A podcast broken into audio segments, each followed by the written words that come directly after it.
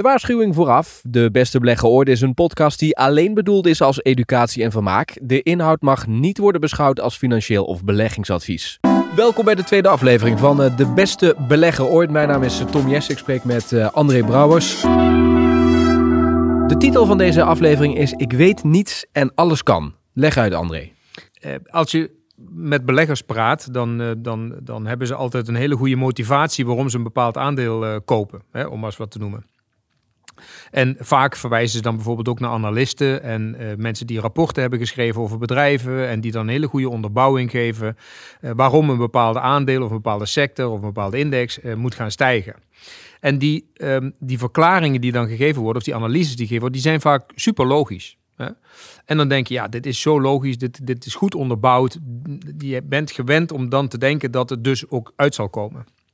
Nou, kan je vertellen, Ehm, de afgelopen 35 jaar dat ik nu in dit wereldje rondloop, ik heb eigenlijk continu gezien dat er verrassingen zijn. Continu gebeurt er iets wat niemand verwacht, dan is het weer even anders. Hè? Of dat begon al met de crash in 87. Dat kwam ook uit het niets, als het ware. Uh, we hebben toen uh, de Irak-oorlog gehad, dan was er weer wat. Daarna was het weer uh, een of andere dotcom-bubbel. Dan was er weer reuring in Azië. Dan was er weer een kredietcrisis. Dan kwam er nog een, een brexit zomaar even uit de lucht vallen. Dan was er in één keer meneer Trump. En dan is in één keer weer corona. Er is altijd wat. En het grappige is, uh, die onzekere factor, die, komt, uh, die heeft zoveel impact. En um, heel veel mensen realiseren zich dat niet. Dus ik zeg eigenlijk, joh, eigenlijk weten we helemaal niks. Want, wat is beleggen? Beleggen is een beslissing nemen vandaag, maar de uitkomst van die, van die beslissing ligt in de toekomst. Nou, wat weet jij van de toekomst? Nou ja, uh, je, je probeert de toekomst, je weet er niks van natuurlijk, dat is het antwoord. Maar je probeert natuurlijk door te redeneren grip te krijgen op die toekomst. Dat Precies. flauwekul. En wij zijn gewend, omdat wij denken dan kennis is macht. Dus hoe meer we weten, hoe beter onderbouwd, hoe logischer het verhaal, hoe beter die beslissing zal zijn. Dat is, van de ene kant is dat logisch, maar van de andere kant krijg je dan nog steeds geen zekerheid mee met betrekking tot de uitkomst van die beslissing. Dus met andere woorden, je kunt nog zoveel denken te weten, uiteindelijk weet je het niet. En dat heeft mij veel geld gekost. Want er waren momenten dat ik dacht, zie je wel, ik weet het. Sterker nog, dan krijg je gelijk. Dus je neemt, een positie in, je krijgt gelijk. En je denkt, ah, zie je hoe goed ik ben. ik zei wel eens, ik voelde me net een Michelin-poppetje. Weet je wel, die, die mannetjes in die, die, die, in die pakken, weet je wel. Maar wat was het eigenlijk? Was het geluk?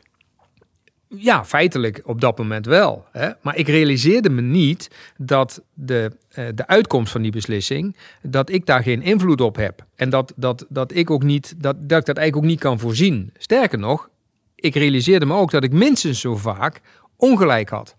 Dat realiseerde ik me wel, maar dat wilde ik mezelf, dat wilde ik niet toegeven naar mezelf toe. Want ja, hè, dat, dat is niet zo fijn. Dus je, je, bent, je vindt het leuk om te voorspellen. Je vindt, dat is ook een soort, ja, ik weet niet, een soort uh, ego-bevrediging of zo. Je vindt het leuk om te voorspellen, maar je vindt het nog leuker om gelijk te krijgen. Maar je krijgt niet altijd gelijk. Sterker nog, je krijgt misschien wel minstens zo vaak ongelijk. En nou, een van de dingen die ik, die ik daarmee probeer mee te geven is, ik heb door schade en schande geleerd om te denken vanuit mijn ongelijk. Dus wat doe ik? Hè? Wat doe ik als het daalt? Wat doe ik als ik ongelijk heb? Dat is veel belangrijker dan je de vraag te stellen van ik krijg gelijk en ik zal wel, uiteindelijk zal ik wel gelijk krijgen en de koers gaat stijgen. Noem eens een concreet voorbeeld hoe je uh, dat zou moeten insteken. Nou, één simpel ding is bijvoorbeeld, hè, wij noemen dat dan money management, hè, maar je gaat van tevoren bepalen hoeveel dat je maximaal wil verliezen. Dus hoeveel wil jij verliezen van jouw kapitaal in die ene specifieke transactie die je doet. In procenten of in absolute getallen? Nou, dat ligt eraan. Stel je hebt 10.000 euro en je koopt een aandeel. Koop je dan voor 10.000 euro dat ene aandeel? Ik zou, denk het niet. Ik, ik heb altijd geleerd, je moet spreiden. Nou, oké, prima. Dus stel dat jij dan zegt van oké, ik koop voor uh, eh, 500 euro dat aandeel. Is dat dan, klopt die 500 euro dan? En hoeveel van die 500 euro ben je dan bereid om te verliezen? Dus je wilt weten, hè, eh, eigenlijk op het moment dat jij iets koopt, wil je eigenlijk weten wat mag ik, hoe, hoe, how deep is your dip? Er was ooit Kuppensoep, had ooit zo'n zo'n slogan, how deep is your dip? Om vier uur s middags. Ja, ja, ja, dan zei ik wel eens tegen beleggers, how deep is your dip? Wat bedoel je? Ik zeg, nou ja, hoe weet u van uzelf hoe goed u bent met timen? Dus hoe, hoe diep mag het dipje zijn voordat je in de winst komt? Want het is onmogelijk om te zeggen, ik koop vandaag en omdat ik koop gaat de koers stijgen. Ja, dat is natuurlijk bullshit. Eh, eh, het is niet dat de koers gaat stijgen omdat jij wil dat die gaat stijgen. Jij koopt iets, maar het kan best zijn dat je eerst een dipje krijgt voordat die dan misschien alsnog gaat stijgen. Nou, hoe diep mag dat dipje zijn? Dat moet je weten. Hoe kom je daarachter? Nou, simpelweg door bijvoorbeeld op te schrijven hè, van ik koop nu en hoe diep was nou het dipje bij mijn laatste transactie. Nou, en als je dat bij iedere transactie registreert, dan krijg je een gevoel van, hey, gemiddeld genomen is, het, is mijn timing best wel oké. Dus mijn dipje, eh, ja, die, dat, dat, hoeft niet 1 of 2 procent te zijn. Dat mag misschien een half procent zijn. Of mijn dipje is misschien wel 5 procent voordat ik in de winst kom. Nou, als je dan weet dat jouw dipje 5 procent is, dan zou je kunnen zeggen, dan spreek je met jezelf af, als het dipje groter is dan 5 procent, dan neem ik verlies. Dus dan heb ik een stop los, bijvoorbeeld zoals we dat noemen. Hè, leg ik dan onder mijn transactie. Dus ik koop voor 500 euro een aandeel. En als ik meer dan 5% verlies van het aandeel, dat de koers daalt, meer, meer dan 5% daalt nadat ik gekocht heb. Op dat moment zeg ik, oké, nou, nou kap ik mijn verlies af om mijn kapitaal te beschermen. Ja, maar dat weet ik dus pas, uh, hoeveel verlies ik uh, max neem, in dit geval 5%, als ik al een paar keer ja, dat verlies heb goed, gemaakt. Dus ik kan, ik kan niet meteen, als ik uh, nu begin, nee. dan moet ik dus eerst, moet je zeggen, ja, okay, ga dus maar eens, wat is dan de oplossing? Ga maar eens proberen. Nee, Nee, je gaat eerst droog oefenen. Dus wat je gaat doen is, je gaat nu aan de hand van, uh, weet ik veel wat, uh, neem, neem een krant of neem een grafiek of whatever of dat jij hebt. Zo'n Bux-app waar je dat Ja, bijvoorbeeld. Maakt me niet uit wat je doet. Je hebt een fictieve portefeuille. Dus dan ga je daar eerst maar eens mee oefenen. En dan zeg je, nou, ik besluit vandaag om aandelen Philips te kopen. Die staan op dit moment 46 euro. Nou, als ze, ik noem maar wat, als ze onder de 44 euro zakken, dan, dan, dan neem ik verlies. Dan verlies ik er twee. Maar ik denk dat ik vanaf 46 misschien naar 50 ga stijgen. Dat is mijn verwachting. Dat is mijn transactie. Dus als het op 50 staat, neem ik mijn winst. En als het op 44 staat, neem ik mijn verlies. Maar je wil het toch met echt geld doen? Dan ga je toch ja, andere ho, beslissingen ho, ho, nemen? Ho, ho, Ja, natuurlijk. Als ik wil gaan zwemmen, dan wil ik ook het water in. Ja, dus dan spring ik, doe ik mijn zwembroek aan en spring ik in het diepe. En dan verzuip ik. Ja, maar je kunt niet buiten het water zwemmen. Je kunt ook niet. Uh, je wil in het water uh, zwemmen. Je wil het ervaren. Dus je moet misschien ook wel. Ja, keer... maar dan ga je niet in diepe beginnen. begin je een klein pierenbadje, toch? Ja, oké, okay, maar je begint wel met, met, echt, met echt water in dit geval. Ja, oké, okay, prima Tom. Als jij dat zo graag wil en je hebt 10.000 euro, dan zeg ik, nou Tom, prima, dan doen we 1000 euro. Dan schrijven we dat af. Dat is dan jouw oefenpotje. Hè? En die 1000 euro ga jij verspelen. Maar wat je dan wil, is dat je zo lang mogelijk met dat 1000 euro kan doen. Zodat je zoveel mogelijk ervaring okay, op kan doen. Dat zou jij niet doen. Jij zou zeggen, ga met de krant of met zo'n nee, app. kijk, uiteindelijk is het heel simpel. Je hebt volledig gelijk als je zegt, je, wilt het, je moet wel nat worden. Anders dan ervaar je niet wat water is. Helemaal mee eens. Maar je begint eerst met droog zwemmen. en sommige mensen, ik noem dat de zwembroekenstrijkers overigens, hè, ja. die gaan nooit het water in. Ja, dan, dan word je niet wijs okay. van. Nog een andere vraag, want jij zegt, oké, okay, je gaat uh, een analyse maken eigenlijk van dat dipje. Maar zo'n dipje kan natuurlijk bij het ene fonds kan het natuurlijk veel heftiger zijn. Kan bij Philips kan het minder ja. erg zijn dan bijvoorbeeld, uh, nou ja, noem maar wat, uh, bij, bij Argenov bijvoorbeeld. Of, ja. of Noem maar op. Hoe maak je, ma maak je dan een gemiddelde? Of nee, maar kijk, waar je mee begint is met... De, je gaat eerst eens kijken hoe gedraagt het beestje Philips zich. En wat je dan doet is je pakt de historie, de koershistorie van de afgelopen 20, 30 jaar... en dan ga je eens rustig naar zo'n grafiek kijken. En dan heb ik nog een goede tip.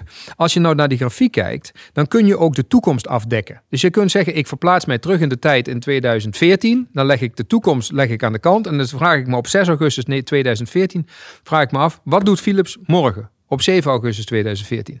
Nou, je kunt aan de hand van die grafiek kun je dan bijvoorbeeld proberen een inschatting te maken. Hey, zitten we nu in een stijgende richting? Denk ik dat die stijging doorzet de komende week, weken? En daar kun je door het plaatje zeg maar langzamerhand weg te pakken, eigenlijk de toekomst een beetje onthullen voor jezelf.